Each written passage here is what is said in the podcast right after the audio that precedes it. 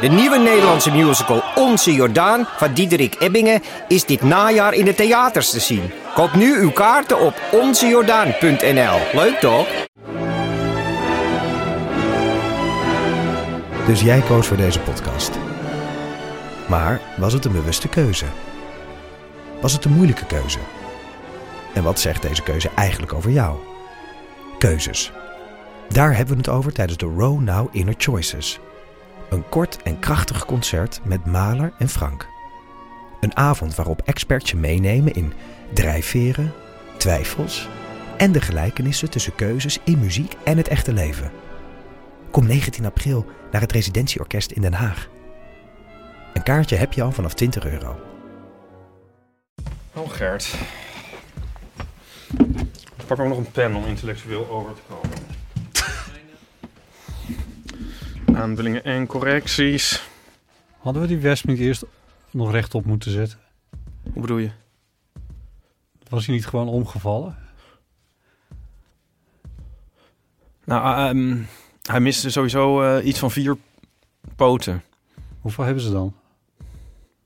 Ik zag een vier. Nee, toch? Zes hebben ze er toch? Ik zag er echt vier. Ze hebben er... eh, hoeveel poten? Weet ik niet. Even een plaatje zoeken. Wacht, ik, jaag je, ik merk nu dat ik je helemaal op... Zit je maar op de kast, Oh, ja. ja, nee, ja. Een wesp. Onbedoeld. Oh, Hoeveel poten heeft een wesp? was ik er nou maar nooit over begonnen. Zag je er echt vier? Nee, 1, 2, 3. Zes hebben ze er. Hij was heel groot en gemeen. Hij ging ons steken. Dit was het beste voor iedereen. Maar ehm, ja, jij zei... Ik heb nog een medische... Ik heb nog een second opinion gevraagd. Ik zei, die gaat niet meer leven, toch? Niet meer opstaan. Was dat, was dat, als, is dat een second opinion vraag? Dus nee, nee. dus we zitten weer in het dieren uit lijden verlossen segment. We komen er gewoon niet vanaf. Nee.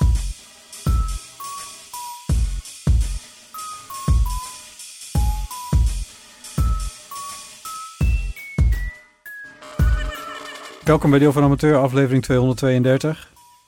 Met aan tafel Ipe Driessen. Hardo. Ik zeg aan tafel en we zitten aan een tafel, maar Nou. het is wel de tafel in de studio. Eh, we beginnen eventjes met een, eh, met een overlijdensbericht. En dan niet van de Wesp, maar Nee, ja, Eh, van eh, Gert Hekma. Gert Hekma. Die is eh, deze week overleden. Gert Hekma was eh, eh, hoogleraar aan de UvA, gender en seksualiteit uit mijn hoofd. Ehm, ik heb hem eh, zelf heb ik hem een paar keer ontmoet, want als je een beetje in het homoseksuele seksuele Amsterdam begaf, dan eh, kwam je hem al gauw eh, een keertje tegen. Jij hebt twee boeken van hem op tafel liggen, Ja, die je uit je eigen collectie hebt gehaald. ja. Ik weet niet of hij hoogleraar was trouwens. Nee, Ik speak dat is juist, eh, dit was een van de dingen. Dit klopt wat je zegt. Eh, hij was docent aan de, Ja, eh, aan de UvA. docent homo- en gender studies. Ja, want het is hem nooit. Hij, hij heeft dat, had die ambitie wel om hoogleraar te worden, maar dat is hem op een of andere manier nooit gegund bij de, bij de UvA. Dat was een dingetje. Ja, Ik doe dit dan weer allemaal uit mijn hoofd van, uit een interview wat ik acht jaar geleden een keer heb gelezen met hem in het Parool of zo. Dus eh, ja, moet je een beetje voorzichtig mee zijn, maar zoiets was het. ja. Ehm, ja, Maar hij begon in- universitair docent aan de UvA en hij gaf les Ja. over seksualiteit. Al sinds begin jaren tachtig. Ja, en hij, hij ehm, was eh, socioloog eh, van, eh, of Ja. nee, eigenlijk cultureel antropoloog. Nou, dat is ook een beetje hetzelfde. Ehm, en hij schreef eh, veel over seksualiteit. En ja, die boeken die ik hier heb liggen is het ABC van perversies. Ja, Dit is een soort encyclopedie van, ja, kinks zou je nu misschien zeggen. Eh, van alle vormen van ehm, seksualiteit. Ander is een eh, boek Homoseksualiteit in Nederland van 1730 tot de moderne tijd. Ja, heel verschillende boeken, maar allebei heel erg de moeite. Ehm, ja, ik, het grijpt me wel een beetje aan.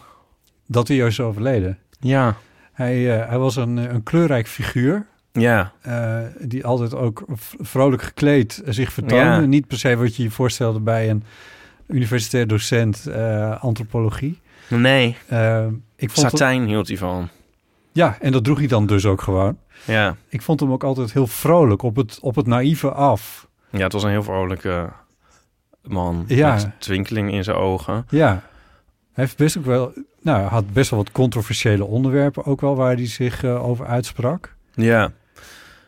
Ja, hij was ook echt een... Ja, de, de gay-krant zegt een... ehm, eh, Nederland verliest een LHBTI plus activist van het eerste uur. Ja, dat is zeker waar. ja. En ehm, ja, ik heb zelf hem leren kennen eigenlijk door... eh, ik be- ik bedoel, ik ken hem niet verschrikkelijk goed hoor, maar toen ik bij Studium Generale werkte, toen heb ik hem ooit uitgenodigd voor een eh, lezing. ja. Want ik had toen een serie over de liefde. En nou ja, daar hoort ook seks bij. Mhm. Eh, Ze zeggen het. Ja. Ze zeggen het. Nou, ja, maar nou, het leuke is, ik heb volgens mij wel eens eerder in de eeuw verteld over deze lezing. Want eigenlijk is dit de enige lezing waar ik me nog iets van kan herinneren uit mijn studium generale carrière. Eh, Want? die heeft echt diepe indruk op me gemaakt. Omdat hij zei, de, de koppeling tussen liefde en seks is eigenlijk kunstmatig en ook van eh, recente datum. Mhm. Ehm, en hij pleit, pleit eigenlijk ook voor, die, voor om dat weer te ontkoppelen. Ik moet meteen denken aan, aan Downton Abbey, waarbij eh, de, de, de twee, eh, het oude paar, god, ik ben vergeten hoe ze heet in de serie, maar die slapen dan eh, in hetzelfde bed. Ja. En dat is raar. Oh ja. Dit, dit speelt Oh, ja. ruim een Ja. geleden, Ja. maar dat is dan raar, dat die in hetzelfde bed slapen. Ja. Dus de, de Earl en de, of wat, wat is hij Ja. eigenlijk? ja. Ja. Nee, ehm, nou ja, kl- klopt. En hij zei ook in die lezing eh, dat de seksuele revolutie een soort mediarevolutie was die de, die de seksuele praktijk van mensen niet veranderde. En ehm, wel van... van Wat was dus, sorry, ik ga een heel algemeen vraag stellen. Wat was de seksuele revolutie? De pil? Eh, nou, nou, daar viel die wel mee samen, denk ik. Hm. Ja, ja, de seksuele revolutie is die, die tijd dat er vrijer over seks... Weet je, dus dat seks eigenlijk zichtbaar werd. Dus in media en, en reclames en zo. En, en, Jaren 60, jaren 70 van Ja. vorige eeuw. Ja. maar ja, dus in de praktijk ver- ver- veranderde er niet zoveel voor mensen. Dus in de jaren 50 waren mensen nog heel repressed, zal ik maar zeggen. En toen kwam de seksuele revolutie van... oeh, seks is ook een ding. En kijk, ehm, blote mensen in, eh, in beeld. Mhm. Alleen voor de, voor de mens, voor de gewone mens veranderde er niet zoveel. Ehm, en hij zei dat daar eh, veel frustratie ook uit voortkwam. En dat homo's dat eigenlijk dan beter bekeken hadden. Omdat die wel een vrijere seksuele moraal over het algemeen hadden. Ehm, dat daar een soort scheefgroei ontstond. Tussen hetero's en, Ja. of tussen media en... Allebei, ja. Hm. Ehm, dat vond ik interessant. En hij Ja. zei, hij vond het tijd dat mensen hun... eh, nou, ik, heb hier, ik vond een... ehm de Keekhand po- postte een recent interview met hem... Mhm. waar wel een mooi citaatje in stond... dat het best wel goed opzond, vond ik. Ga ik even voorlezen, hoor.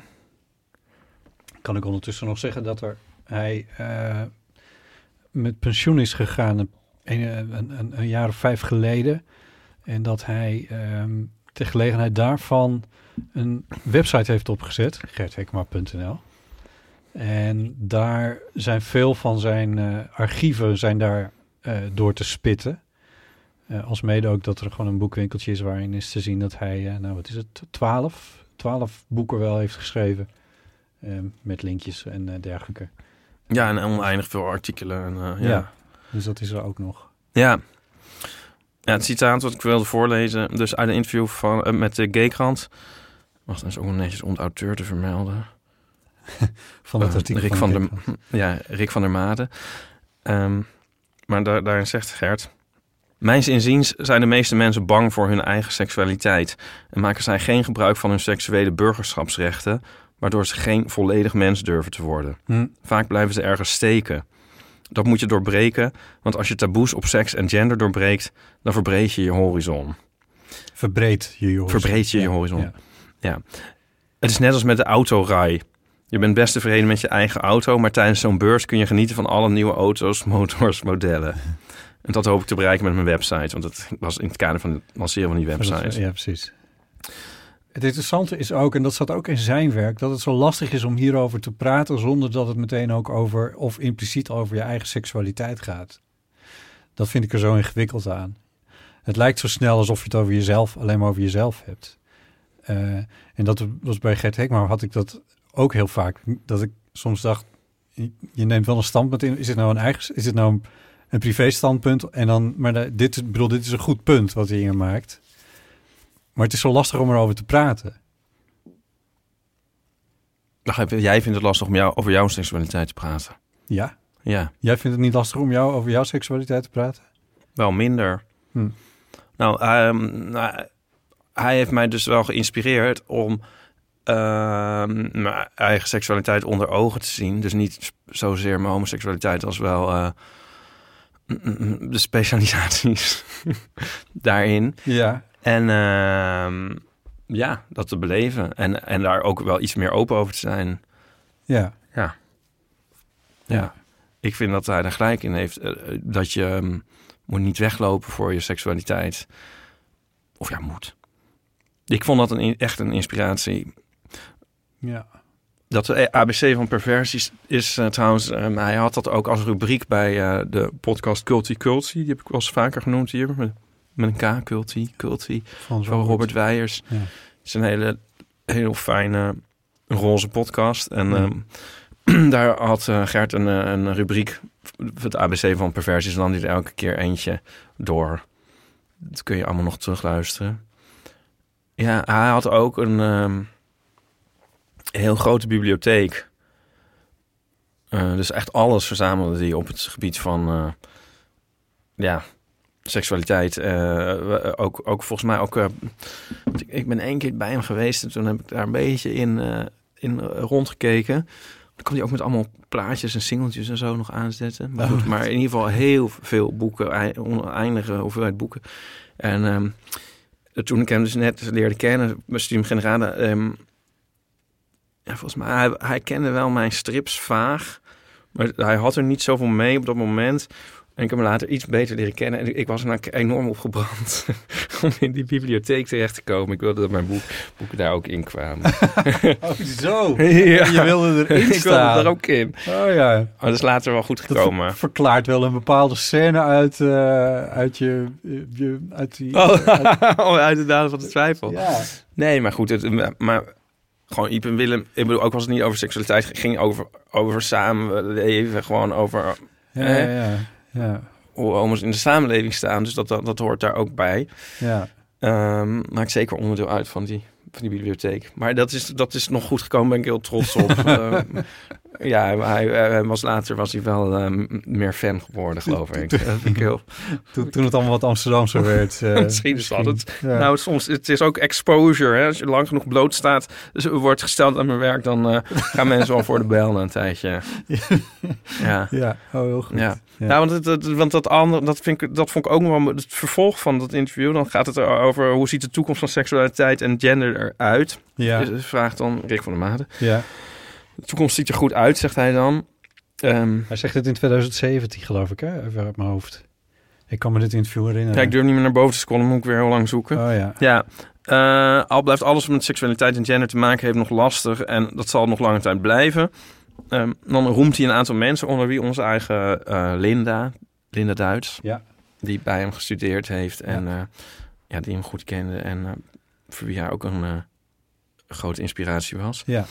Ehm, maar zegt hij, ehm, nee, ik ben niet negatief over de toekomst. Er kan op het gebied van gender en seksualiteit nog veel meer open gaan.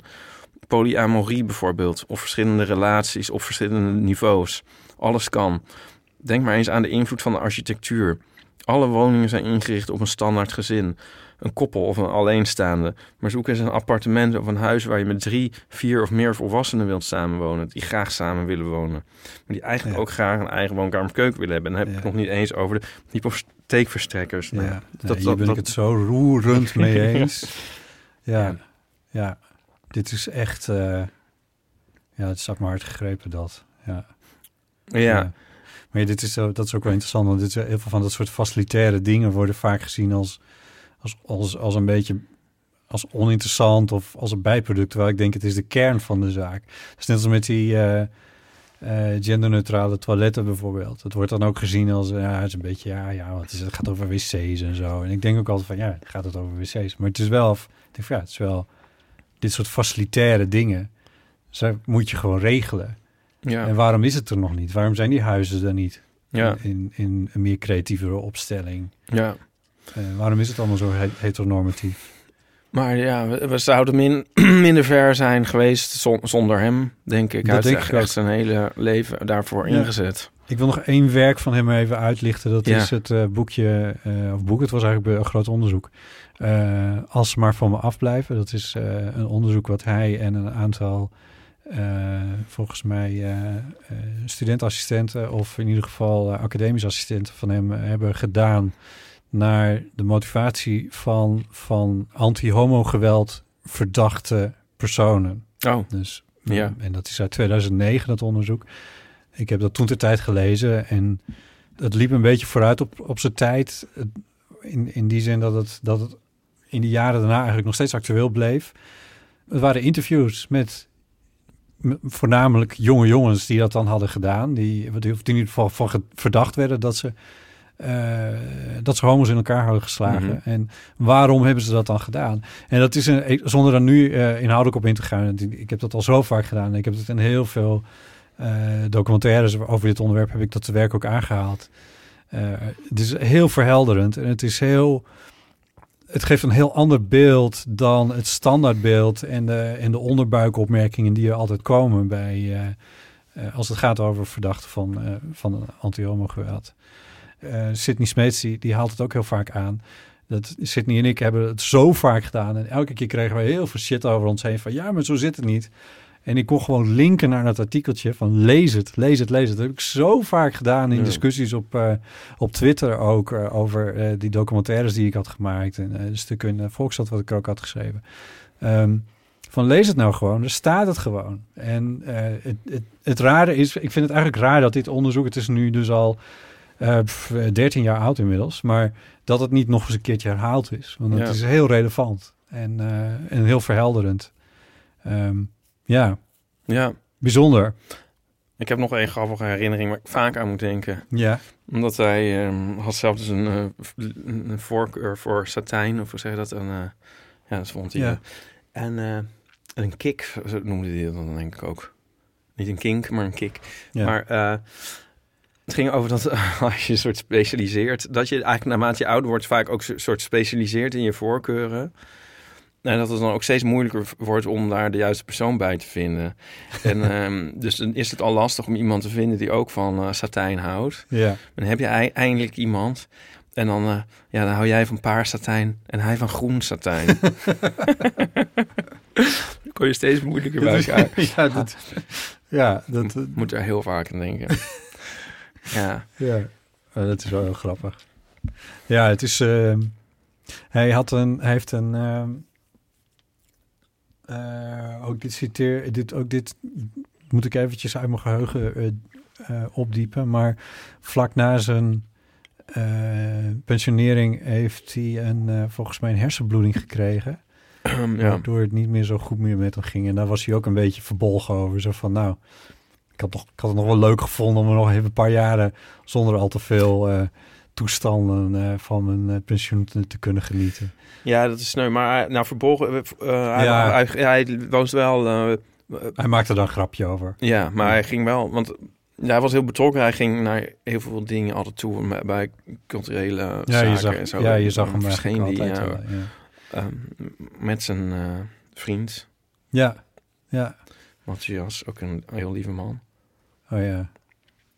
Ja, dan Nou, kunnen we nog wel eindigen met nog weer één keer dat, eh, dat interview met die gaykrant. ja. Hoe zou je graag herinnerd willen worden? Eh, Oh, mooi. controversieel, maar interessant. Nou, dat is precies waar we het over hadden Ja. net. Ja. Ja, Ja. Oh, leuk. Nou, ja, jammer dat hij is overleden. echt heel jammer. Echt Ja. een eh, heel inspirerende lieve man. Ja, en een verlies voor, voor LHBT Nederland, voor Queer Nederland, eh, denk ik. Ja. Nou ja, goed. Gert Hekma dus. Dit is misschien wel een leuk moment om even te hebben over volgende week. Want dan hebben we een bijzondere gast. Ja, Eh, jij had het net over je werk voor Studium Generalum bij de Universiteit Utrecht. ja. En daar was jouw baas. André An- Kloekoen. Ja, Ja, en die komt langs. Of Ja. althans, wij gaan naar hem toe. Maar wij gaan naar, naar hem toe. Vertel even wie hij is, voor de mensen die dat even eh, niet recent hebben herlezen. Nou, hij is ehm, schrijver, inderdaad, filosoof. Ja, Ja, van huis uit chemicus. Maar hij, eh, hij heeft een eh, aantal heel kloeke Simon dit daar Ja. boeken geschreven. nice. Eh, waaronder De geschiedenis van het denken. En ehm, Alle mensen heten Janus. En zijn meest recente boek heet De Vreemde Lus. Ehm, en hij schrijft eigenlijk over alles. Ja, net als onze podcast. Over alles, over gaat. Dus het is een match made in heaven. Ja. En André weet ook eigenlijk alles. Hij staat al hij heel... weet alles van alles. Ja, hij staat al heel lang op ons verlanglijstje om een keer eh, te gast eh, eh, te hebben. Ehm, en ehm, mochten er nou luisteraars zijn die het interessant vinden om een vraag in te sturen of zoiets, Ja, dan kan dat denk ik. Hè? Ik Ja. bedoel, ja, een eh, vraag over alles. vraag over alles. Of over iets. ja, maar licht filosofische vragen zijn misschien wel het leuk. Ja, want ah, mm, de mensen die zijn werk kennen, eh, die zullen weten dus dat, dat ehm, hij eh, ja, eigenlijk probeert wetenschap, filosofie en kunst eh, en ehm, spiritualiteit eh, ook te verbinden. Binden. binden. Dat wordt op het knakje. ik, zag, ja. ik zag, zag je zoeken. ja, en eh, het is gewoon een hele interessante en leuke man. Ja. Dus, ehm, dat, eh, ja, heb ik heel veel zin in. Ja, dus mocht je het nou een, een, een vraag hebben over het werk van André Kloekoen of gewoon over de wereld, want eh, hij schrijft per slotverrekening over alles. En hij is, eh, hij is met emeritaat, neem ik aan, hè? Hij is, hij is met pensioen. Nou, jij dicht iedereen het een hoogleraarschap Oh ja, toe, maar dat, is hij, dat is hij, niet geweest. Oh, Dokter. Dokter. Hij heeft ooit Eh, al, alleen zijn doktersbul ingeleverd. Samen met Piet Vroon. Toen oh, Albert Heijn een eredoctoraat kreeg van de Universiteit Utrecht. En toen uit protest hebben André en Piet Vroon hun bul ingeleverd. maar goed, eigenlijk, maar de- van de titel kom je nooit af. Dus hij is, hij is nog steeds wel dokter. Wat een, wat een, eh, wat een interessante actie. Ja, het is- Nou was- goed, ja. goed, ik zei, eh, als ik van deze wat oudere wijze man een, eh, een, een vraag als je aan hebt, spreek hem dan even in op de eeuwofoon. Maar je mag hem ook zeker gewoon mailen. Zullen we gewoon naar jou mailen dan? ip.eeuwvanamateur.nl Ja, zeker. Ik heb Ja, het nu al genoemd, dus je kan ook niet meer terug. nee, of spreek hem in op 06 1990 68. 71. Weet je nog dat wij een mailtje kregen van eh Tine? Eh, dat, hij, eh, dat ging over luizen, dat ze op vakantie gingen naar België. Ja, ja, En in nee, een zeker. soort- Is in, een, in een bijzinnetje vertelde ze dat het een gezin van 16 was. En daar sloegen wij nogal op aan. En toen zeiden we, schrijf nog even iets meer daarover. Nou, dat heeft ze gedaan. Ze heeft een mailtje gestuurd. Hoi, Botte en Ipe. Mijn excuses voor dit late mailtje. Nou, dat geeft niks. Om gelijk maar een paar vragen te beantwoorden. We hadden vroeger een negen personen auto. Ik, ik stel maar een soort busje daarbij voor, denk ik. Eh, ze schrijft, mijn vader had een eigen bedrijf waar hij ook auto's voor had. En mijn broers en zussen hadden ook al een auto. Vaak gingen we op vakantie met zo'n 4 à 5 auto's. En het bizarre was dat ook altijd alle, uitroepteken, fietsen werden meegenomen op vakantie, zodat we lekker konden fietsen als we dat wilden, wat uiteraard nooit gebeurde. We woonden in een huis met 10 slaapkamers. Mijn ouders hadden dit huis laten bouwen toen ze nog maar 10 kinderen hadden.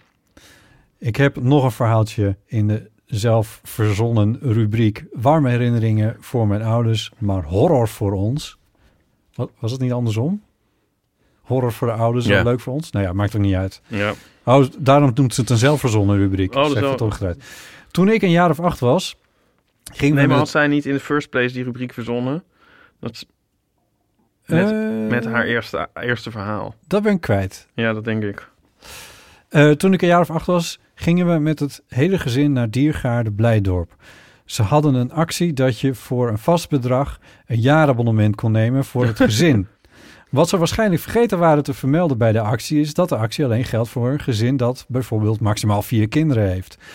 Dus wij stonden op een zaterdagochtend bij de balie van Diergaarde Blijdorp. Mijn moeder zei tegen de vrouw achter de kassa dat ze graag gebruik wilde maken van de actie. De vrouw achter de kassa keek ons toen zo raar aan. Ik voel nu nog de schaamte opkomen. Uiteindelijk mochten we naar binnen nadat ze al onze namen op de jaarkaart had geschreven, die zo groot was als een pinpas. Er zijn nog genoeg bijzondere anekdotes te vertellen met zo'n groot gezin. Maar dit vond ik wel een grappige om te vertellen. Succes met de podcast. Doei, Tine, 24 jaar. Dus waar zij het over vroeger heeft, bedoelt ze een jaar of tien geleden. Ja. Blijdorp. Ja, De laatste keer dat ik elkaar was. Ja, dat, was in, dat is in de richting van, eh, van dat Delft en dat eh, Berkel van jou. Van mij. Van mij. Ja, nee. ehm, ja, laatste keer dat ik daar was. Ja, zeg maar, want winst is voor de dieren. Is een beetje een soort. eh eh, hoe zeg je dat? Verlies voor de mens. Mm, Ja, Winst want voor de dieren is verlies voor de mens. Oké. nou, als je, als je artis gewend bent, Ja. dan is het zo dier, dier, dier, dier, dier, dier, dier, dier, dier, dier. Ja, In een Blijdorp is het echt zo dier, tijdje niks. dier, dier. Bedoel, jezus, wat hebben die dieren daar een ruimte. Ik bedoel, come on. Zet die dieren... Ik bedoel, lever, lever even wat in, dieren. Ben- je wel eens in Burger Zoo geweest? Ach ja, loop je helemaal... Dan loop je helemaal de tyfustering. Ja, dan moet je zelf een soort, soort, soort, soort jaguar zijn... om dat allemaal een beetje in een normale tijd allemaal af te kunnen Fiets struinen. huren om daar eh, een beetje door te komen. Ja, nou, Ja. ik vond Blijdorp ook echt ehm, uitgestrekt. Ja, terwijl dat ook een stadsdierentuin Ja. is. Maar die is een keer verhuisd, toch? In zijn geschiedenis. Haar Is geschiedenis. Ja, dat meen ik. Ik meen dat hij een keer verhuisd is. Oh. Ja. Nou ja. Ja, wij zijn nu natuurlijk voor de veganistische dierentuin tegenwoordig. Dat is eentje met alleen maar plantjes. De Hortus. Ja. Ah, in, je ehm, moet niet aan, die, eh, aan oh, statief uh, Oh, sorry, dan horen. Oh, de... sorry. Oh god. Oh, echt? Want ik heb de echte... Ik was... Ik ben ook nog te gast geweest bij Geeky Dingen. En heb je ook de hele Ik tijd heb echt niks anders zitten doen dan met dit dingetje hier op en af zitten doen. Oh, dan eh, zal Tom je dankbaar zijn. Ehm, ja, ik vind dat wel leuk trouwens. Ik vind dat leuker dan ik dacht, een hortus. Ja, Zeker sinds ik sinds mijn psychotische episode het gevoel heb dat planten een persoonlijkheid hebben. God. Nee, maar ehm, ik vond de hortus hier in ehm, Amsterdam eh, is wel echt heel tof. Met helemaal de, de ja, ehm, om het zo te zeggen, stamboom van de bomen. de stamboom van de boom. Ja, dat zijn allemaal van die bomen van de... Nou, deze boom werd in 1600 door eh, prins Frederik Hendrik meegenomen uit Indonesië. oh, die zo- staat daar gewoon. Ja, ja. En, zo. en deze boom is de laatste van zijn soort. Maar we, zijn hem aan, we we proberen hem te stekken. en zo. ja. Allemaal verhaaltjes dat je denkt van... Wow, wat, dit is een mega bijzondere plant. Mhm.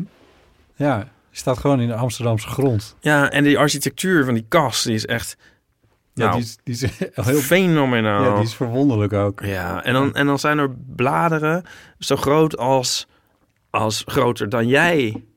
Ja, zeker. Dan jij en ik. Maar soort vliegende tapijten zijn groter is dan jij, is het ook al groter dan ik. Ja, vliegende tapijten.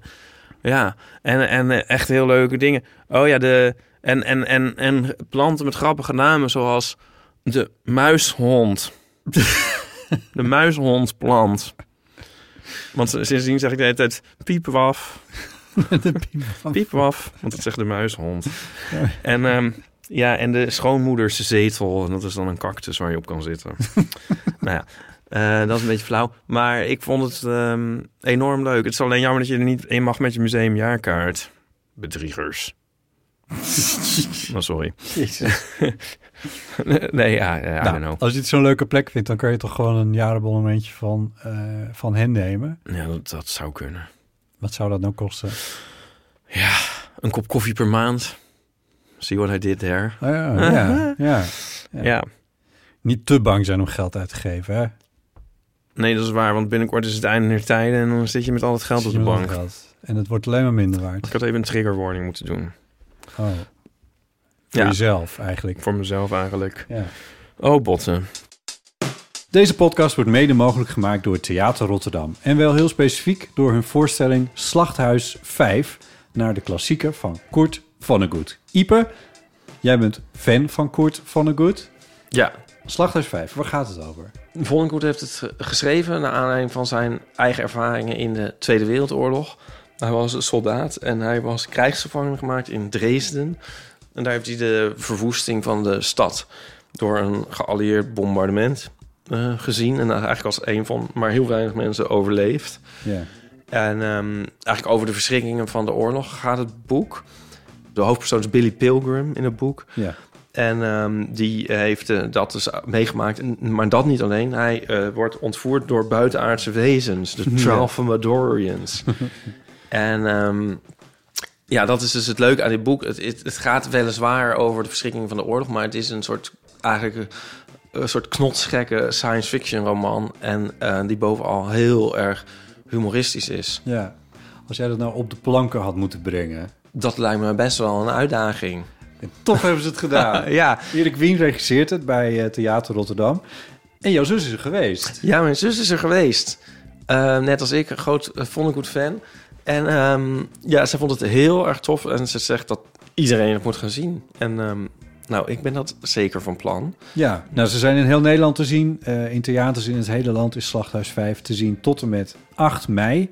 Kaarten kun je vinden via tr.nl. TR staat natuurlijk voor Theater Rotterdam. tr.nl slash slachthuis 5. En 5 is uitgeschreven. En nu verder met de podcast. hey, maar hoe is het eigenlijk met jou? Eh, Ik zie hem, voor- zie hem zoekend. wat voor antwoord, wat voor soort antwoord verwacht je? Nou, Maak- ik zat... Maak ja, eens meer, meer keuzevraag van. dus al, ehm, ben je A, blij met de zon? B, niet blij met de zon? Ah, blij met de zon. Ja. Ik, word- ik leef daarvan op. Ik heb gisteren eh, ben, ik, ben ik een beetje aan het klussen geweest. Ik had, ga ik dit vertellen? Ik ga het gewoon vertellen. Ik, had, ehm, eh, ik, heb, een, ik heb een dakterras, dat is heel leuk. Ehm, met een soort reling eromheen. Ja. En daar had ik eh, van die matten met bamboe Ja. aangespannen, zodat de wind een beetje tegen Ja. gaat. Maar dat is helaas, is die, zijn die bamboe eh, latjes, zeg maar, zijn met elkaar verbonden met ijzerdraad en dat gaat roesten. Mhm. Dus dat is na, hoe hang- lang hangt het er nu? Zeven jaar of zo, is dat gewoon bijna weg. Zeker na een storm zoals we deze, dit, deze winter hebben gehad, Ja. dan waait het allemaal uit elkaar. Ehm, en dat had ik nog steeds niet opgeruimd. Gisteren was ik er even mee bezig en toen had ik bedacht van, nou, wat nou als ik die ijzerdraadjes er tussenuit pulk en die latjes buig ik een beetje zo om die stangen heen van de reling. Ja. Misschien is dat wel een leuk effect. Zo creatief ben je ook. En, eh, en ik verwerk, eh, ik was materiaal aan het hergebruiken. Ja. Plus dat ik ook nog eens een keertje lekker in de zon dat klusje aan het doen was. Dus ik was lekker een podcastje aan het luisteren in de zon, terwijl ik er lekker een beetje aan het klussen was. Ik werd er heel erg gelukkig van. Ja, Ja, wat fijn. eh, dus ja, ik heb... en toen, was, toen voelde ik gisteravond aan mijn nek en toen voelde ik echt... Nou, het was niet verbrand, maar gewoon... Ik voelde dat hij lekker in de zon had gezeten. Dus Het was- buitenleven. Het buitenleven. Ja. Weet je wat ik ook nog gedaan had? Nou, Ik heb een, ehm een gierzwaluwnestkastje opgehangen. Al Ja. anderhalf jaar geleden. Vorig jaar heeft Ja. er niets in genesteld. nee. Helaas. Ehm, en toen vermoedde ik dat het aan de positie van het kastje lag. Maar ik bedacht ook, het is ook helemaal leeg. Dat is misschien ook niet zo handig. Mhm. Het is gewoon hout. Ja. En een gierzwaluw moet alle shit nog naar binnen slepen om daar een nestje te maken. Wat nou als ik er gewoon wat takjes en weet ik veel in leg? Ja. Misschien is het helemaal verkeerd, ik heb geen idee. Ik kon het op internet verder niet echt terugvinden. Maar ik heb zo wat spulletjes, zo wat troepjes van mijn dakterras verzameld. En dat heb ik in het nestkastje gelegd. Eh, en nou ja, ze zijn er over een week of twee waarschijnlijk weer. Eh, dus wie oh weet. my god. Dat zou- Fingers crossed. Ja, dat zou wel leuk dat zijn. zou leuk zijn. Ja, Dat zou ik ook leuk zijn. dat zou leuk ik vinden. echt heel erg leuk vinden. Ja, Nou, dus- ben jij nou een gierzwaluw en luister je naar deze podcast? weet dat er een gemeubileerd nestkastje op je zich ligt te wachten. Ja. Ja, Kun je niet ehm, ook bij die eh, bamboematten, kun je daar niet wat uh, bougainville tegenaan laten groeien? Bougainville. Ja, ik had gewoon heel veel zin om dat te zeggen. Dat snap ik. Maar ik, Ja, ga- ik ik heb geen idee wat het is. Bougainville, Eh, dat is een plant een plant. met bloemetjes. Oh ja. Ja, maar ja, als ze uit elkaar vallen, dan ben ik zo bang dat die plant dan ook uit Ja, elkaar... ik zeg ook maar wat. Ja, Ik wilde gewoon bougainville zeggen. Oké. Kijk, kijk maar even of het nog ergens... in kan. of je nog iets hortus, hortusachtigs in kan, eh, Ja, in kan stoppen. het valt mij dus de hele tijd op dat als ik ga koken, Ja, dat... ehm, ik, ik word altijd heel zenuwachtig als jij opeens naar het mengpaneel kijkt. Want dan denk ik, we nemen niet op. ik kijk naar het mengpaneel om te controleren of we opnemen. en ik kom in actie als het niet zo is. Eh, als ik moet koken. Nou, de, de, de bediening van mijn slimme lampen is weer stuk. Vreselijk. Maar ik hoef ze nog niet aan te doen met het koken. Want het is nog licht Het is nog licht. Oh, wat heerlijk. Oh my god. Ja. Dan is het toch weer opeens weer heel raar om te bedenken dat een tijdje geleden... dat het dan een soort om vier uur donker was. Ja. Ja, dat is nog maar drie maanden geleden. Ja. Ja, Ja. dus ehm, ik moet zeggen dat me het ook wel deugd doet. ja. Ja, dat. Ga je s'avonds, s'avonds na het eten ook nog naar buiten om even te voetballen? Mm, mm. Voetballen. Ja, ik, dat was vroeger. Of tenminste, voetballen Ja. deden we ook niet per se. Maar dan kon je s'avonds nog na ja. het eten nog even naar buiten. ja, dat wel. Ja. Ja. Ja, nou zover ben ik nog niet.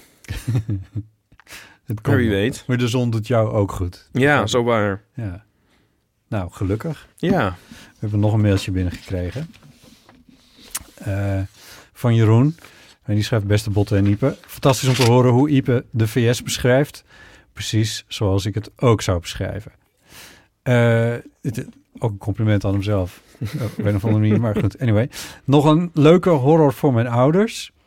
Stel je voor dat je gezellig in het krullenmuller loopt... met je zoon van een jaar of zes...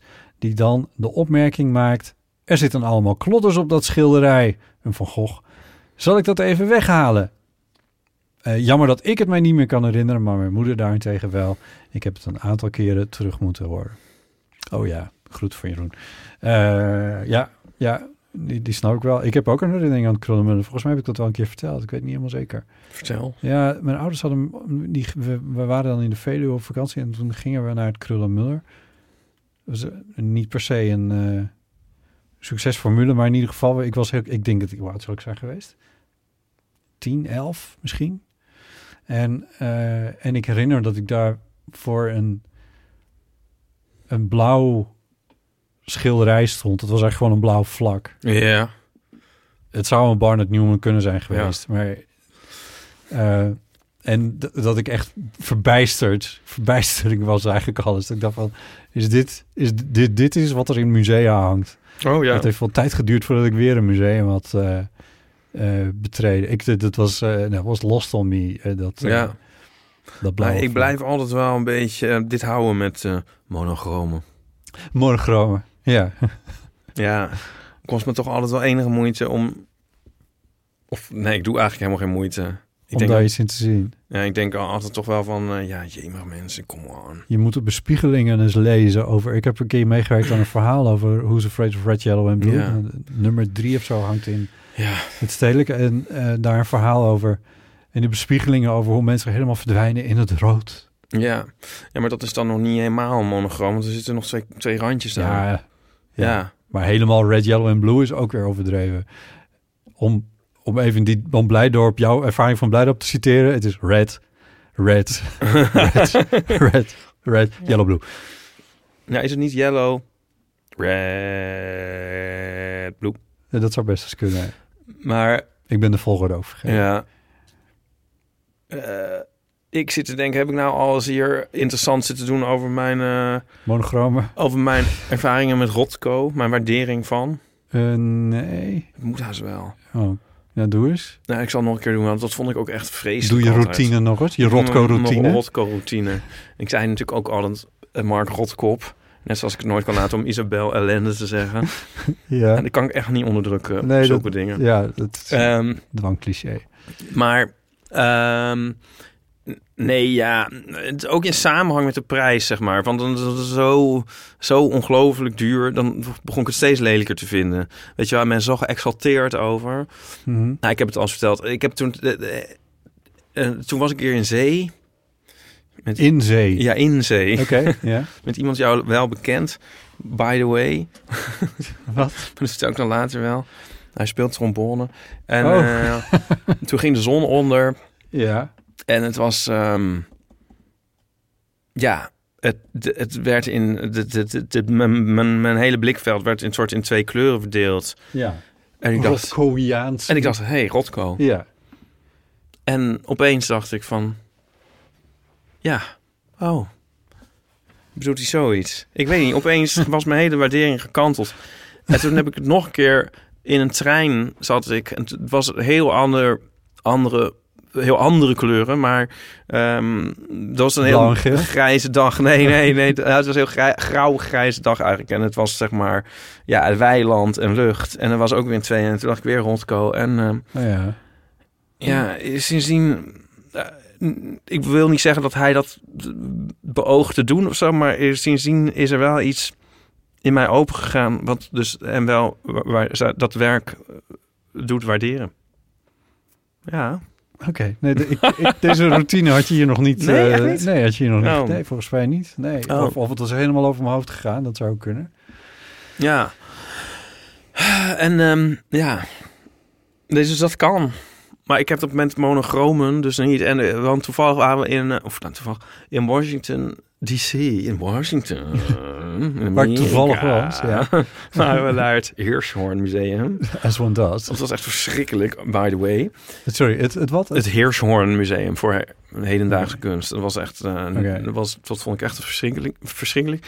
Ehm, en daar hingen dus drie zwarte schilderijen, volledig zwart.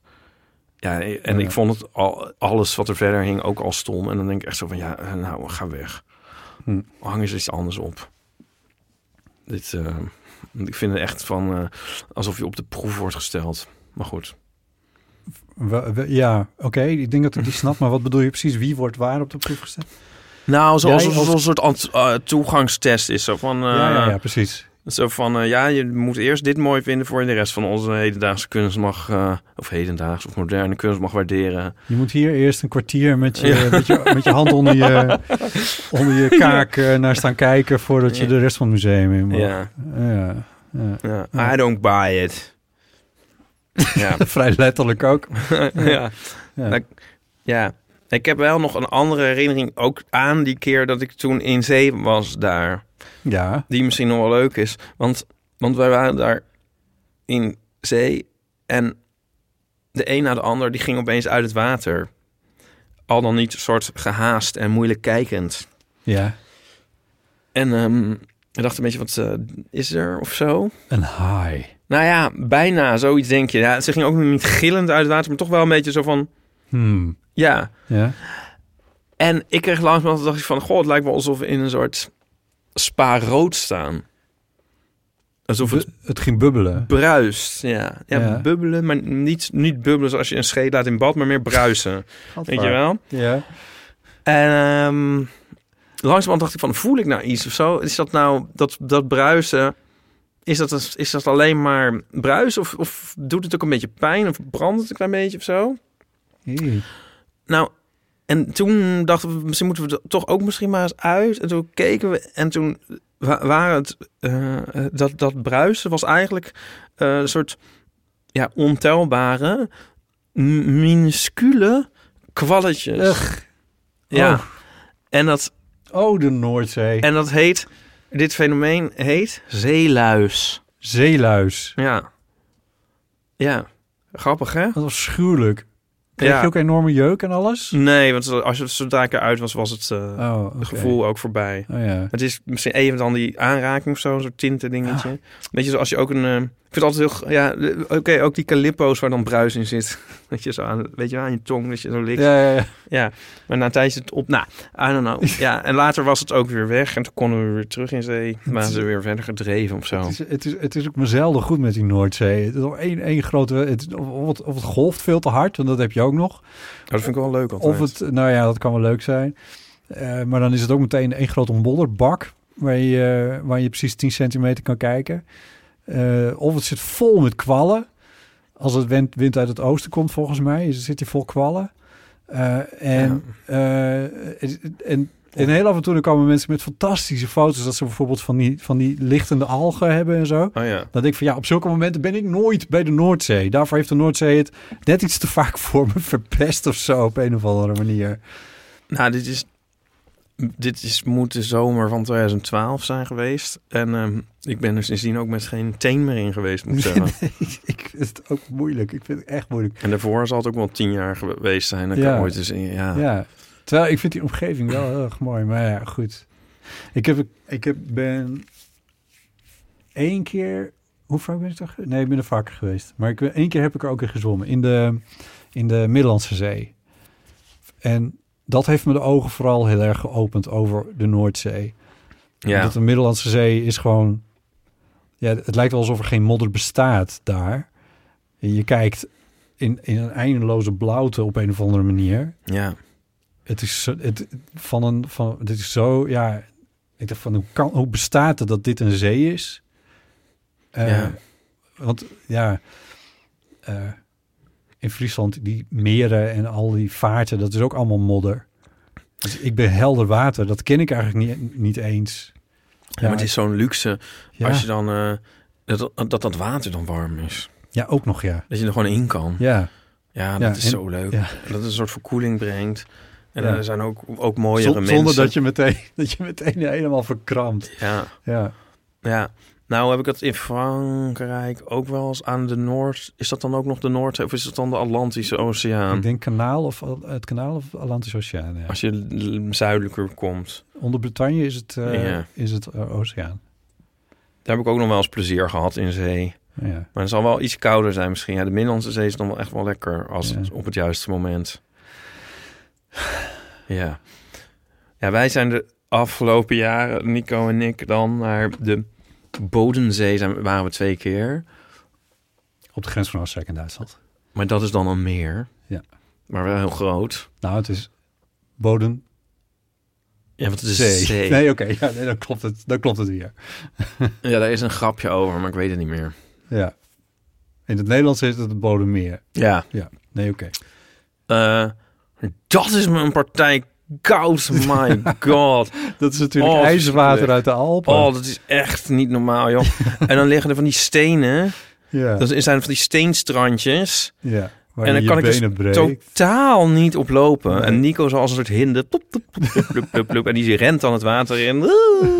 En zo. En ik ah, ah, ah. En dan zo over die stenen. Oh, kan niet meer. En dan zo, en dan zo de eerste aanraak met je tenen. Dat het zo helemaal optrekt tot aan je kiezen, die kou.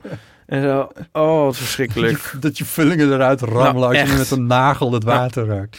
Oh, echt. Ja, oh. En dan... Nou, dan kan ik er echt wel...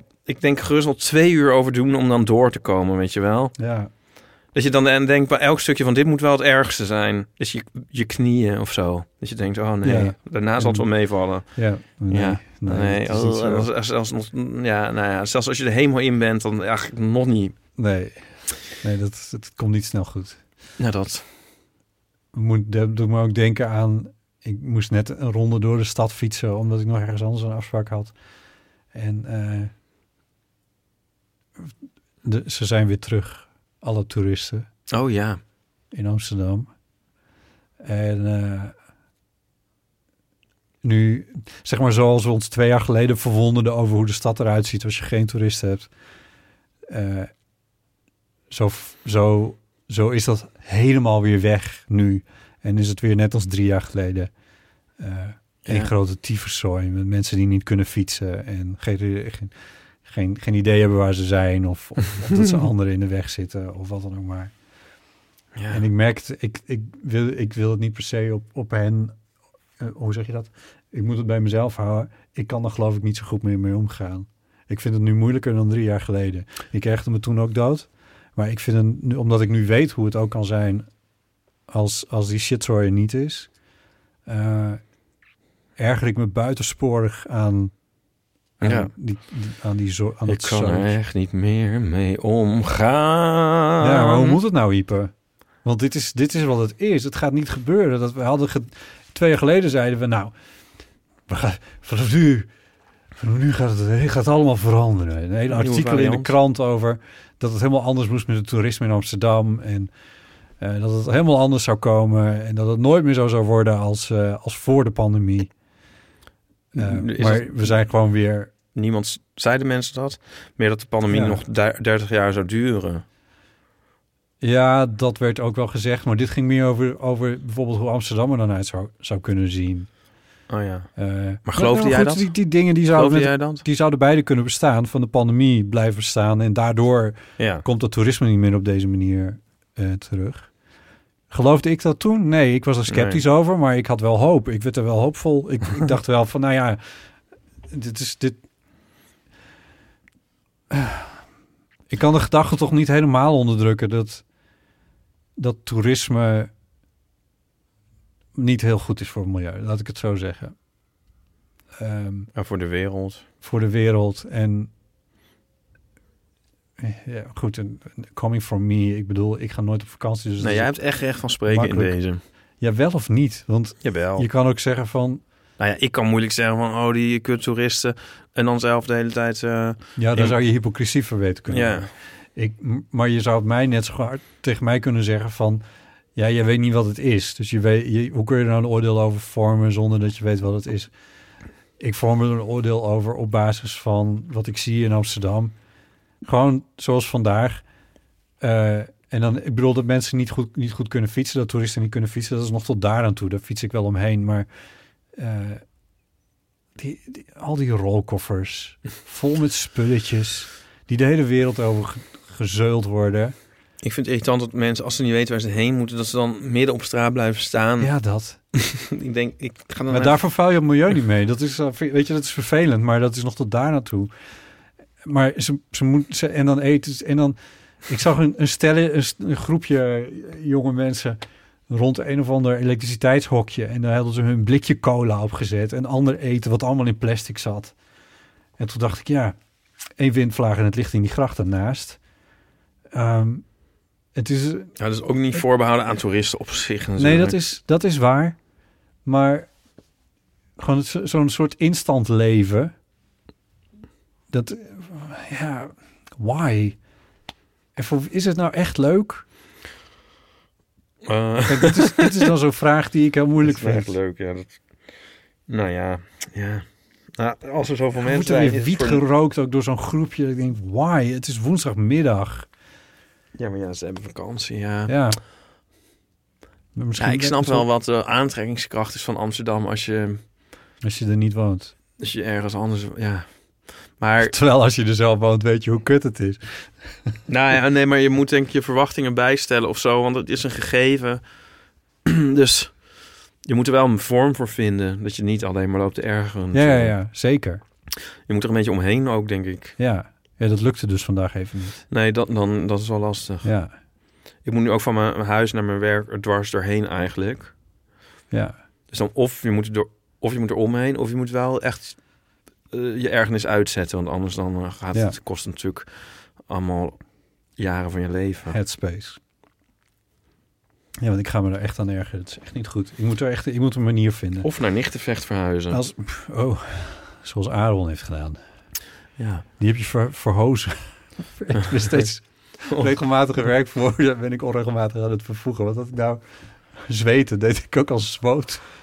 Als ik moe ben, dan kan ik het niet zo goed meer. Is mijn tweede taal, Ieper.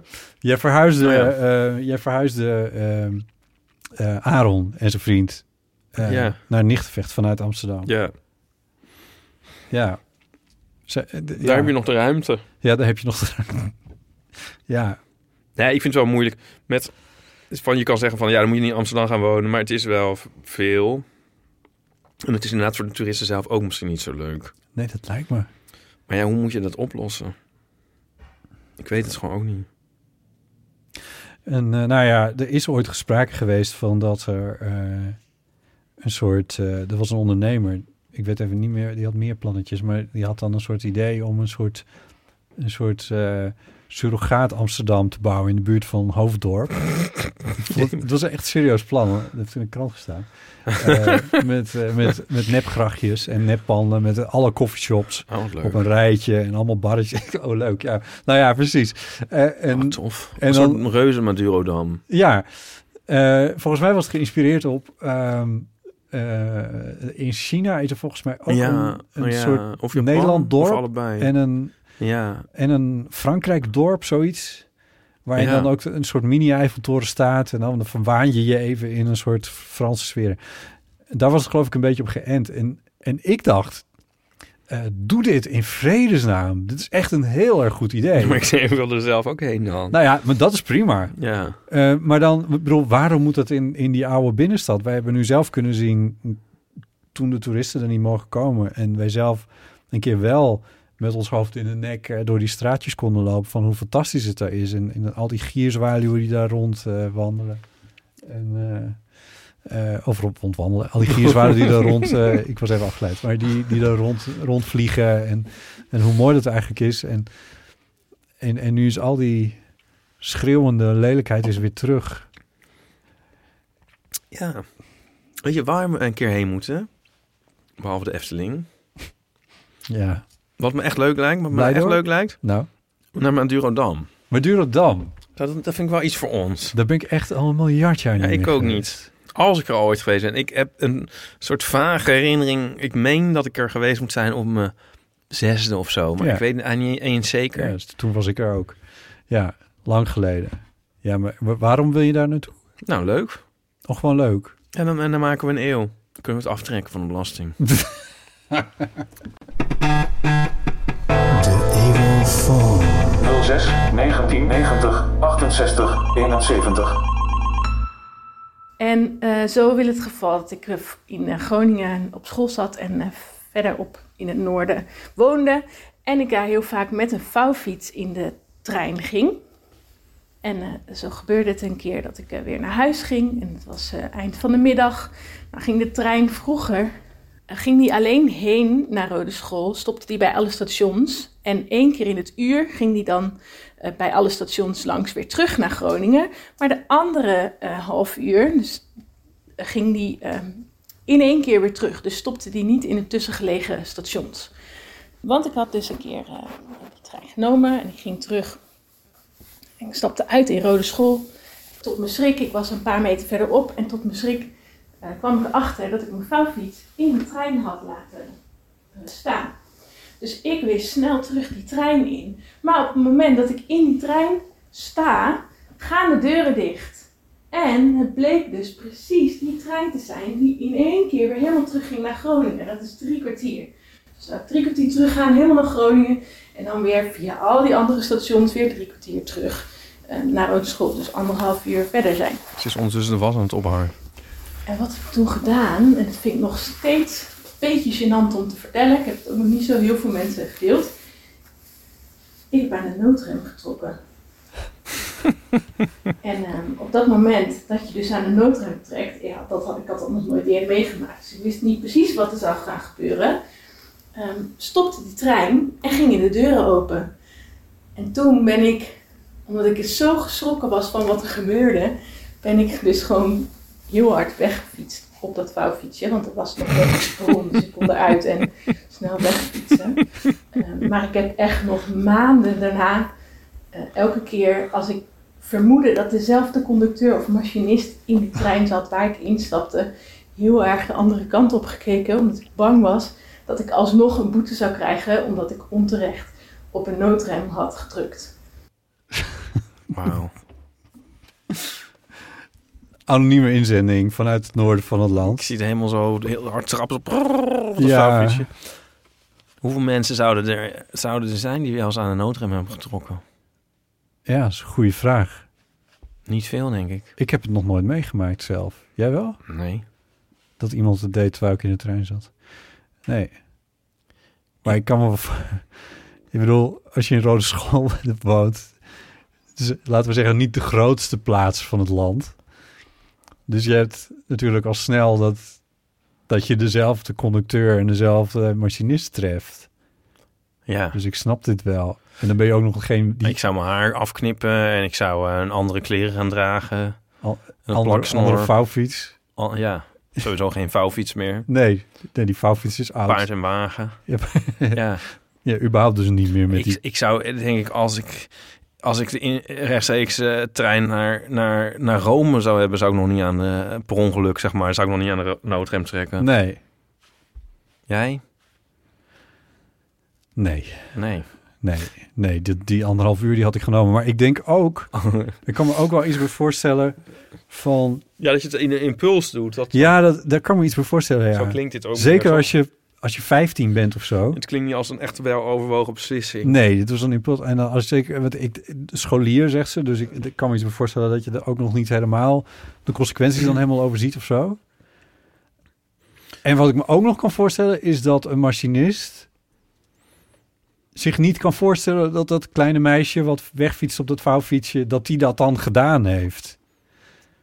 Nee, ik zou dat denk ik ook niet uitdurven. Daarna. Ja, maar ze weten waarschijnlijk waar, door, op welke plek. Dus je kan, ja. ja want daarmee, daarmee wijs je jezelf natuurlijk aan door weg te gaan. Dat is waar, ja. Maar als je blijft zitten en dan weten ze misschien welke noodrem het was... en dan weten ze het alsnog. Dan heb je er helemaal niks aan. En dan ben je ook nog gepakt. We kunnen hier eindeloos verdwijnen in fantasieën over wat er allemaal aan doem, doem scenario's zich kan uit ontvouwen hierover. Nou, ik heb wel eens iets meegemaakt... wat een soort relevantie heeft. Toen waren we op een, op een station, ik weet niet waar, doet er ook niet toe. En toen eh, was er al gefloten... Maar toen kwamen er nog allemaal mensen aanrennen van het andere perron, weet je wel. Die Ja, ja, stonden ja. dan nog te wachten op de spoorbomen of zo. Nou ja, maar er was al gefloten, dan mag je officieel natuurlijk niet meer in. Maar dat deden heel veel mensen nog wel. En het echt een beetje grotesk of zo. Want soms zie je nog net iemand erin springen. ja. Maar bleef maar gaan. En toen gingen die deuren dicht. En toen zat er dus een meisje... eh, die had al echt alleen maar haar arm in de trein. oh nee, nee, nee, nee. Dus ook niet alleen maar de arm eruit of zo, maar juist echt alleen maar de arm erin. En ehm, ja, en, en, en Maar dan zit je klem. Ja, Gaat een deur dan niet automatisch weer... nee, of misschien was haar arm te Oh, dun nee, of weet ik veel. oh. Die zat- dus zij zat beklemd. En ik was met, met ook een eh, soort, het is ook een soort, soort tang, een soort, een soort Ja. schaar. en ik zat met mijn zusje op het balkon ook, maar heel veel mensen, want iedereen was daar in, ingerend. Ja, Wij zaten er wel netjes al in, moet ik zeggen. dit is een moment om een noodrem te hangen. Nou ja, het grappige was, dus er kwam dus in niemand op en die trein ging rijden. Nee! Ja, zeker. En zij ging rennen. En, ehm, Gillen. en heel erg gillen. En het was heel erg in paniek en weet ik veel wat Oh allemaal. mijn god. Ja. En toen werd op echt pas na best wel lang werd er een soort gemompeld noodrem, maar toen stond toen kwam de trein ook alweer tot stilstand en was het dus ergens opgemerkt. Maar wij kwamen allemaal niet op het idee Om aan een de noodrem te Ja. ja, grappig hè. Ja. En toen stapte ze ook nog heel, heel onnozel daarna in. Ik zou net zeggen, wat, dat is dan ook nog wel een daad of zo. Om daarna toch ook gewoon die trein in te stappen. Ja. Ik zou echt enorm afgedropen zijn. Eh, ja, die trein die had ik laten rijden. Ja, Ja. dat, ja. Ja. Oh, wat verschrikkelijk. dit is echt een... Ja. Dit is echt een... Dit is echt een eh Ja, ik, weet het nog goed. Ja, maar dit, dit- Amsterdam scenario is dit. ja, Of de lift. Ik doe het dus ook niet meer als, eh, als het fluitje klinkt. Het mag ook niet, maar ik, ik doe het ook, ook zeker niet. Nee, Nee. ik had deze inzending een klein beetje bijgeknipt. Zoals je wel kon horen, denk ik. Eh, want er had nog, hoorde nog een verhaal bij eh, over dat, dat ze zei dat je met de, de, met de fiets niet in de metro of niet in de tram mag. Oh ja. Want daar hadden we, het, hadden we het over gehad. ja, de metro hadden wij het over. Metro. Ja. Ehm, Toch? Ja. tram. Ik had een verhaal over hoe ik ooit in de, in de tram was gelaten met mijn fiets. Oh, de tram. Maar, ja, maar oh, ik dacht de metro. Ja, dit is onduidelijk, want dit ging over de, de tram vanaf Eiburg naar, naar de stad. En dat is, dat is officieel... Oké, ze hebben in Amsterdam in de jaren 70 de Oostlijn aangelegd. En dat heeft tot enorme rellen geleid in de, in de nieuwbouw... Of sorry, in de, in de Nieuwmarktbuurt. Eh, omdat die daar toen niet onderdoor gegraven is... maar ze hebben alles wat erop stond, hebben ze afgebroken... En, eh, eh, en dat was zo'n ingreep in die hele buurt... dat daarna is besloten in de gemeenteraad officieel van Amsterdam... legt nooit meer een metro aan. Oh. Dat is een officieel besluit geweest in 1980 of zo. Oh. Toen kwam Eiburg, eh, eind jaren 90, 2000 is... En dan moest een snelle treinen, eh, tramverbinding naartoe eh, worden gebracht. Of een soort metroverbinding. En dat is een metroverbinding. eh, afgezien van het feit dat hij niet de hele tijd onder de grond is. Maar dat is een metro ook niet altijd. Ehm, maar dat wilden ze geen metro noemen. Oh ja. Dus dat is gewoon tramlijn 26. Ah, Maar, dat, maar het is een... En er rijden ook tramachtige toestellen op. Metro-achtige toestel. Met, nou, nee, ze zijn wel... Het zijn van die combino's eh, ook. Die, eh, Oh. die, dus die, die je ook al gewoon als gewone tram in, Oh. in Amsterdam Ah, ziet ja. rijden. Maar de details ken ik ook niet. Dan moeten we maar eens een tramdeskundige vragen. Volgens mij gaan deze sneller dan die in de stad kunnen. Eh, maar goed, dus of het nou een metro is of een, een tram... Dat is een beetje onduidelijk daar. Het is een tramlijn. Tramlijn 26. Maar daar is echt wel ruimte in om je fiets mee te nemen. En wat ik er heel snel googlend van begrijp... is dat je buiten de spits in Amsterdam ook met je fiets wel in een tram mag. Oh. Maar zoek dit gewoon op de site van het GVB op... als je dat eh, specifiek wil, eh, wil weten. Ja, Het is zoek dus dat GVD gewoon uit op de site van de GUB. ja, precies. Eh, nou ja, anyway, waarom vertel ik dit nou? Ben je met je fiets in de trein? Ja, de fiets in de trein. Ja, I don't know. Ja. Dat dus. Eh, Oké, we hebben nog een rubriek.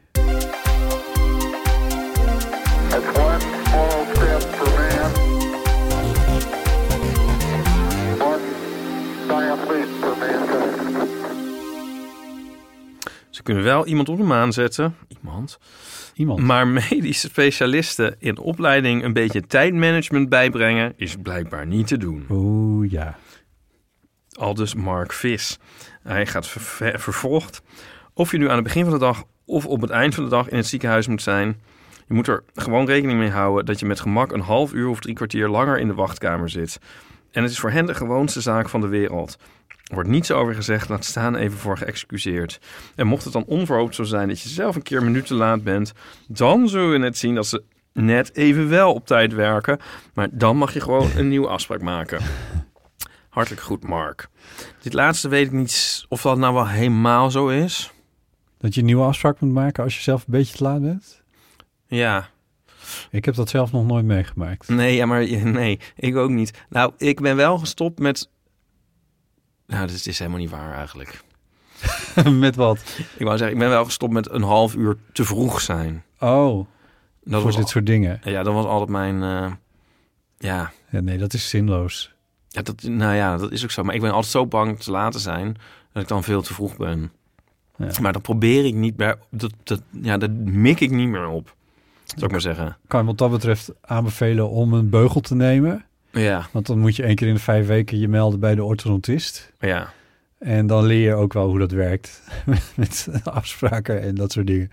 Ik, ik was daar inderdaad ook vaak een kwartier te vroeg. Ja, Maar dat is echt zinloos, want ik zat er echt een half uur te wachten voordat ik aan de beurt was. je bent doorgaans wel te laat. Maar ik, ik vaar me dus wel af, want je hebt mensen die wel eens te laat komen. en ik vraag me ook af of het daar niet ook deels door veroorzaakt wordt. Oh ja. Dus dat het, dat dit zichzelf in stand houdt, omdat mensen denken... het heeft toch niet zin om op tijd te komen, dus ik kom maar te laat. Daardoor komt iedereen te laat. Als Ja, een soort van academisch kwartiertje, wat, wat Ja. steeds maar... Ja, ja, ja. Ja, ik weet het niet hoor. Ja, hij zegt, heeft ook over medische specialisten in opleiding. Maar het is, dit geldt toch voor elke medicus eigenlijk?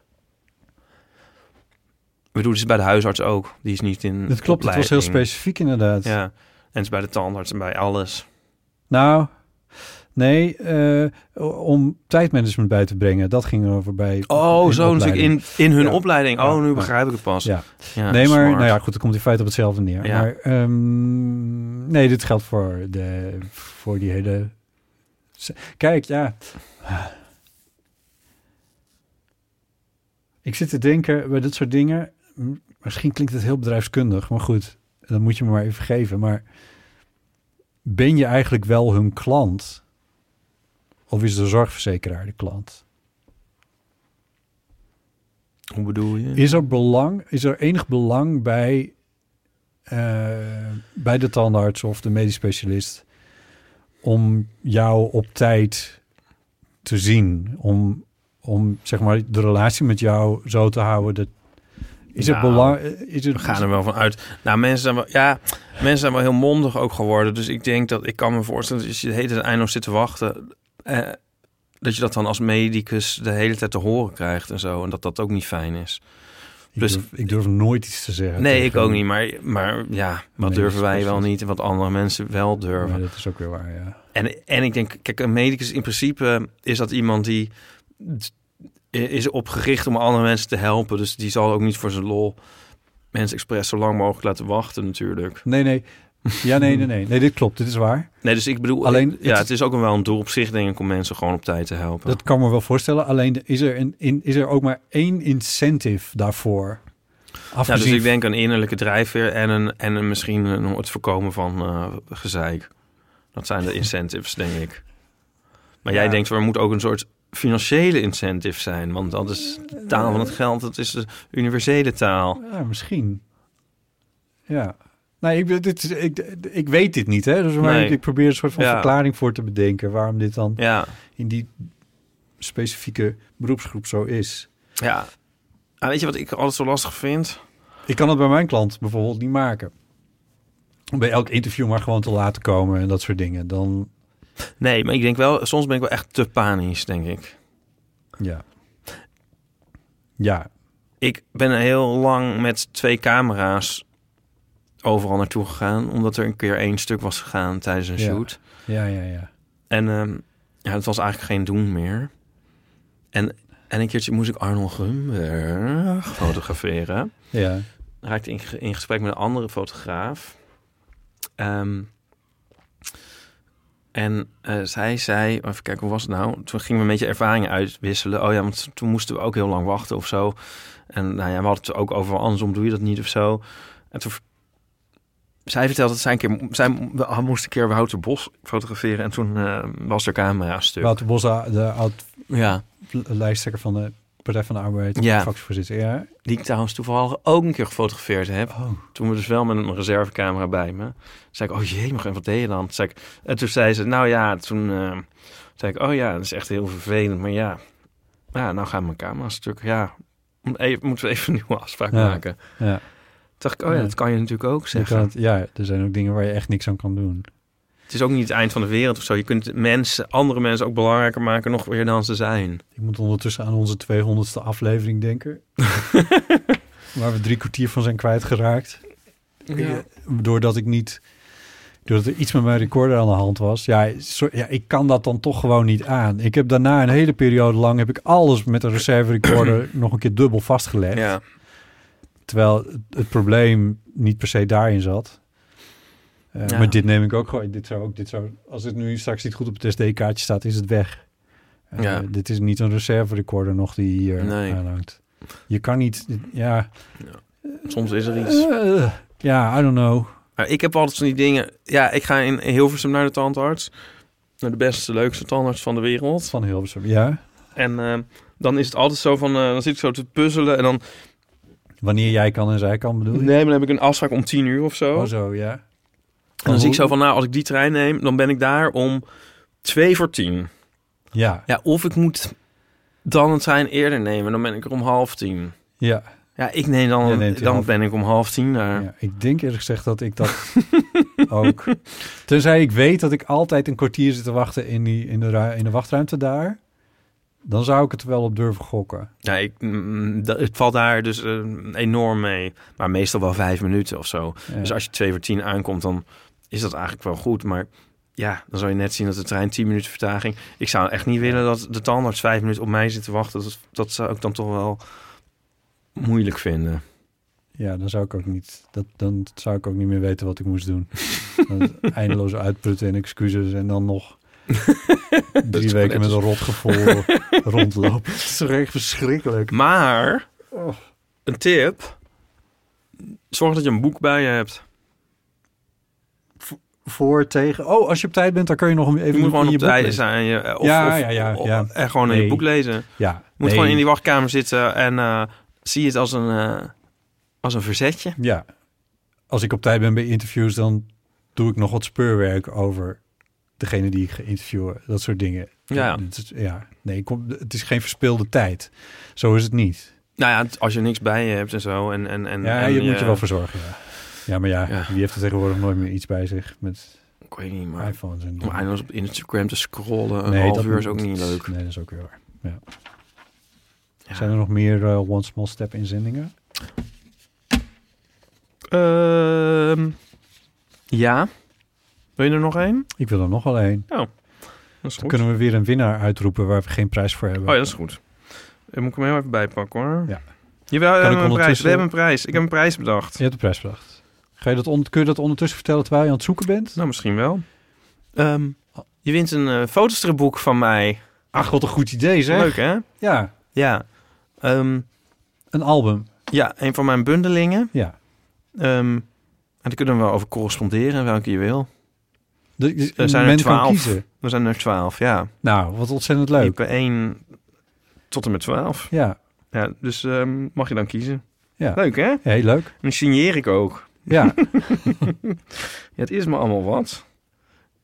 maar je kon niet ondertussen ook nog dat opzoeken. Jawel. Oh, je hebt het al gevonden. Ja, maar ik moet nu eerst Dropbox reten. nee, ik heb hem nu hoor. Hier is hij. Maar... Ja, Eh, dus ze kunnen wel een man op de maan zetten, maar geen koelkast ontwerpen... waarvan het vriesvakje niet uiteindelijk door zijn eigen ijs dichtvriest. Mirjam. ja.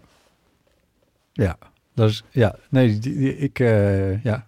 Dit is, dit is wel waar, ja. ja. Het is bij de ene koelkast wel erger dan bij de andere, heb ik gemerkt. Ja. Maar eh, dit, dit gebeurt. Dit- misschien is dit gewoon een feit van het leven.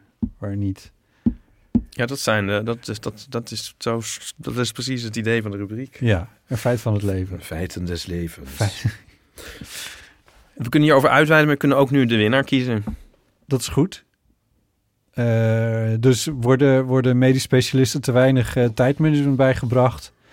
Eh, of is het eh, heel wonderlijk dat vriesvakken steeds dichtvriezen? Ja. Ik heb iets in mijn hoofd.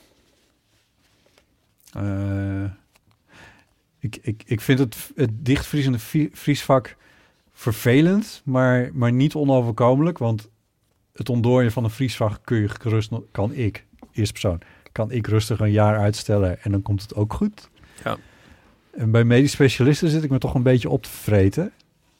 Gelukkig is mijn, heb, kom ik er niet heel vaak, maar ik, die beugel heeft me veel meer tijd gekost dan eigenlijk goed voor me was. Ja. ja, je hebt het hele werk van Tolstoy kunnen lezen daar in die wachtkamer. Ja, correct. Nou, ik ben het helemaal met je eens. Winnaar van deze keer is Mark, Mark. met een C. En onze redactie neemt contact met je op voor die mooie prijs.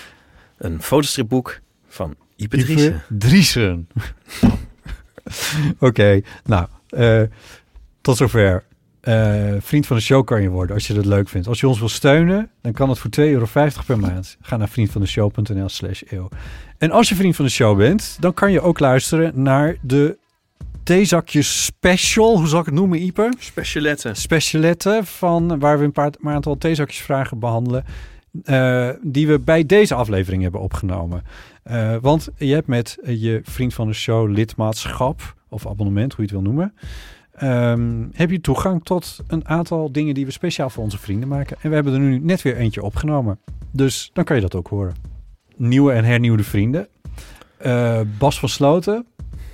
We, het weer- Ja, ja, zeker. Anna, Eh, Sophie. een, een, een, een, een, een, eh, palindroom. Palindroom, ja. Anna palindroom. Ehm, Eline. Bijna palindroom. Petra Leuke poging, le- leuke poging op zich. Doreen. en Wieke. Nou, gezellig. Heel fijn dat jullie vriend van de Heel show fijn. zijn geworden. Dank daarvoor. Ehm, mocht je willen reageren op deze eh, aflevering, dan kan je gewoon even gezellig bellen met de Eeuwenfoon. Eh, of je kan een voice message sturen met WhatsApp. Ehm, als je in het bericht zelf even je naam noemt, dan eh, vertel ik het ook. Anders dan ga ik ervan uit dat je anoniem wil. Het, eh, je kan het allemaal achterlaten op 06 1990 68 71. Eeuw van Amateur is onderdeel van het podcastnetwerk Dag en Nacht Media. Je kan bij Apple Podcasts een recensie achterlaten. Daar is wel wat vernieuwing welkom, dus eh, graag. Eh, je kan ons ook een oor- beoordeling geven op Spotify als je dat leuk vindt. En je kan mailen naar ipe.eeuwvanamateur.nl voor bijvoorbeeld de rubriek One Small Step. Ze kunnen wel een man op de maan zetten, maar...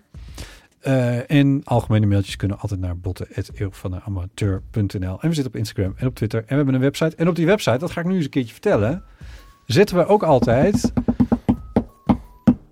de grote foto. Elke Oh, ik aflevering dacht, ik, heeft... ik dacht iets heel anders. Die aflevering heeft, eh, elke aflevering heeft een uniek plaatje gemaakt door Driessen eh, van Simmaker.